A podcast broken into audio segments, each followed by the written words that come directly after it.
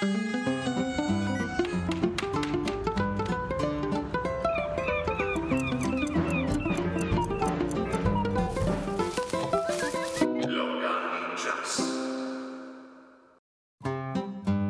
Natanko 13 sekund manjka do 6 ure in 45 minut. Danes smo zelo točni po lokalnem času in zato je poskrbela naša Metka Pirc, ki nas bo odpeljala na 15. poldnevnik, ki teče čez Dravograd. Gremo torej v najbolj severno slovensko regijo na Koroško, na slovenski Grinič. Metka, dobro jutro. Dobro jutro. Ja. Kot si rekla, danes smo še posebej točni, tako kot se spodobi za te kraje, ki določajo srednji evropski čas in torej ležijo točno na tem 15. poldnevniku.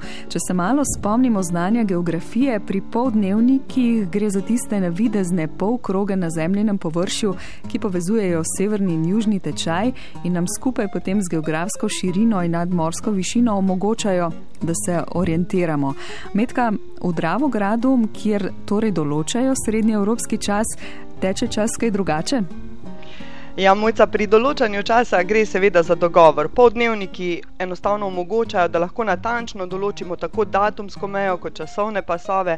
Vsi kraji znotraj posameznega pasu pa se ravnajo po času poldnevnika, ki poteka natanko po njegovi sredini. Recimo v primeru Dravograda gre torej za ta 15. poldnevnik.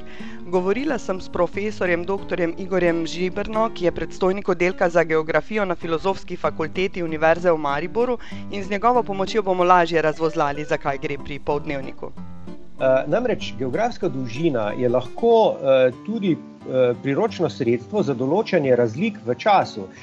Dejstvo je, da se Zemlja vrti okoli svoje osi, in sicer od zahoda proti vzhodu, zavrti se pa enkrat v 24 urah.